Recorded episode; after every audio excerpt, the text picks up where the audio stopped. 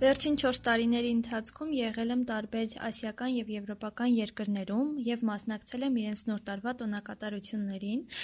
բայց այդ բոլոր երկրներից ամենահետաքրքիրն ու տարբերվողը Չինաստանն էր: Ինչպես նշեց չինական Նոր տարվա մասնակից Նարինե Գևորգյանը, այս տոնը իսկապես զարմանահրաշ տոն է: Չինական Նոր տարին կամ լուսնային աման օրը հին ժամանակներից համարվում է ամենաերկարատև և գլխավոր տոնը Չինաստանում և Արևելյան Ասիայի այլ երկրներում: Այն չունի ֆիքսված ամսաթիվ: Ամեն տարի չինական աման օրի տարեթվերը փոխվում են, քանի որ փառատոնը հիմնված է 12 օրացույցերի վրա: Այն ոչ պաշտոնապես անվանում են նաև լուսնային Նոր տարի, քանի որ համարվում է լուսնաարեգակնային չինական օրացույցի մի մասնիկ, իսկ նրա ճշգրիտ ամսաթիվը որոշվում է լուսնային փուլերի հիման վրա: Տոնակատարությունները սովորաբար տևում են ավելի քան 15 օր: Չինաստանում ապրել եմ երկու տարի: Առաջին տարում տեղյակ չէի անցկացվող տոներին ու ավանդույթներին, սակայն հետագայում իրենց Նոր տարին ինձ համար բացահայտում էր ու չէի պատկերացնում, որ այդքան երկար կտևի: Զարմանալին այն էր, որ Նոր տարվան պատրաստվում էին իրենք մի քանի շաբաթ առաջ ու մաքրում էին ոչ միայն իրենց բնակարանը, այլ նաև բակերն ու փողոցները: Ու էլ չեմ ասում ինչքան շատ սնունդ էին գնում: Այո, այս տոնի նախապատրաստական աշխատանքները սկսում են շաբաթներ առաջ: Մաքրում են տունը, դեն են նետում կոտրված կամ անհաջող իրերը, պատրաստում են տարատեսակ բլիթներ, իսկ դռներին ամրացնում են կարմիր զարդանախշեր: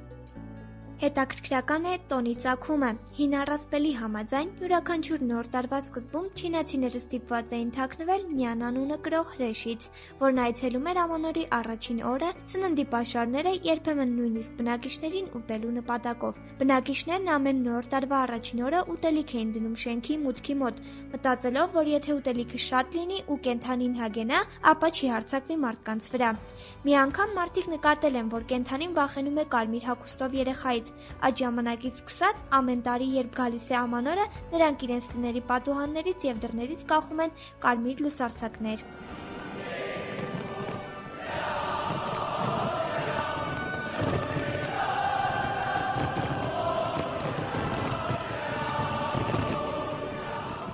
Նոր տարվա առաջին օրը սկսում են հրավառությամբ և խնկարկությամբ, որը պետք է վախեցներ չար ոգիներին: Երեկոյան տեղի է ունենում Վիշապի բարի զանգվածային ցուցադրությունը: Պարում են բոլորը, անկախ իրենց սոցիալական կարգավիճակից: Առավել ուրախ երթերն ու վառ հանդիպումները տեղի են ունենում գիշերը: Մթնշաղի ժամանակ փողոցներում ու այգիներում խարույկներ են վառում: